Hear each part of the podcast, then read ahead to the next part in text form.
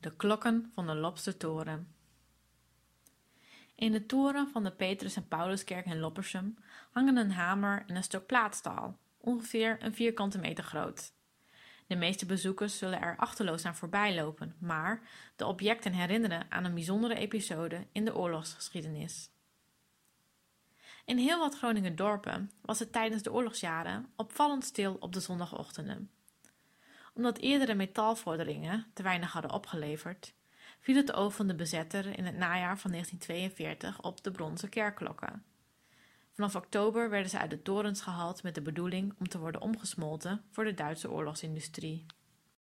Groepjes werklui uit Zuid-Nederland begonnen in februari 1943 met het ophalen van de klokken, die door heel de provincie naar beneden waren getakeld. Op een van hun auto's stond geschilderd: De vrolijke klokkendieven. Dat ging zelfs de bezetter te ver en de tekst moest worden weggehaald.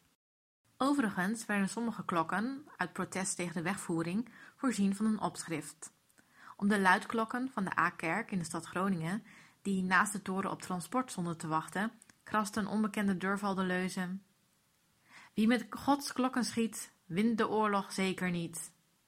En wie klokken steelt uit Gods toren, heeft de oorlog reeds verloren. De gevorderde Groninger klokken belanden in een loods van de strookkartonfabriek Beukema in Hoge Zand of werden opgeslagen in een in beslag genomen en ontruimd pakhuis van een Joodse familie in de stad Groningen. Vanaf daar werden ze verder getransporteerd naar gieterijen in Hamburg. Aan het einde van de oorlog belandde nog een groter aantal klokken uit voornamelijk Holland en Zeeland in Groningen.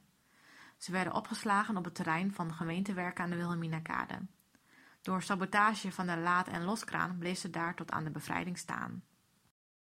Tijdens de afwezigheid van de kerkklokken werd in sommige dorpen gezocht naar andere manieren om te kunnen luiden.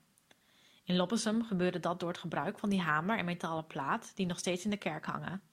De kerk van Siddeburen gebruikte een opgehangen melkbus, die van Aduard twee aan één geklonken velgen van een vrachtauto en in Uitwierde werd een gresbuis gebruikt om geluid te produceren omdat de smelterijen in Hamburg vanwege de geallieerde bombardementen stil kwamen te liggen, werd een aantal klokken van omsmelting bespaard.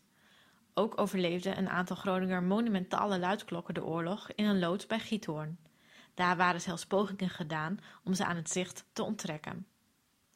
Van de 296 klokken die Groningen voor de oorlog telde, gingen er uiteindelijk 166 verloren. De Lobsterkerkklokken, gemaakt in 1397 en 1548, keerde na de bevrijding overigens behouden terug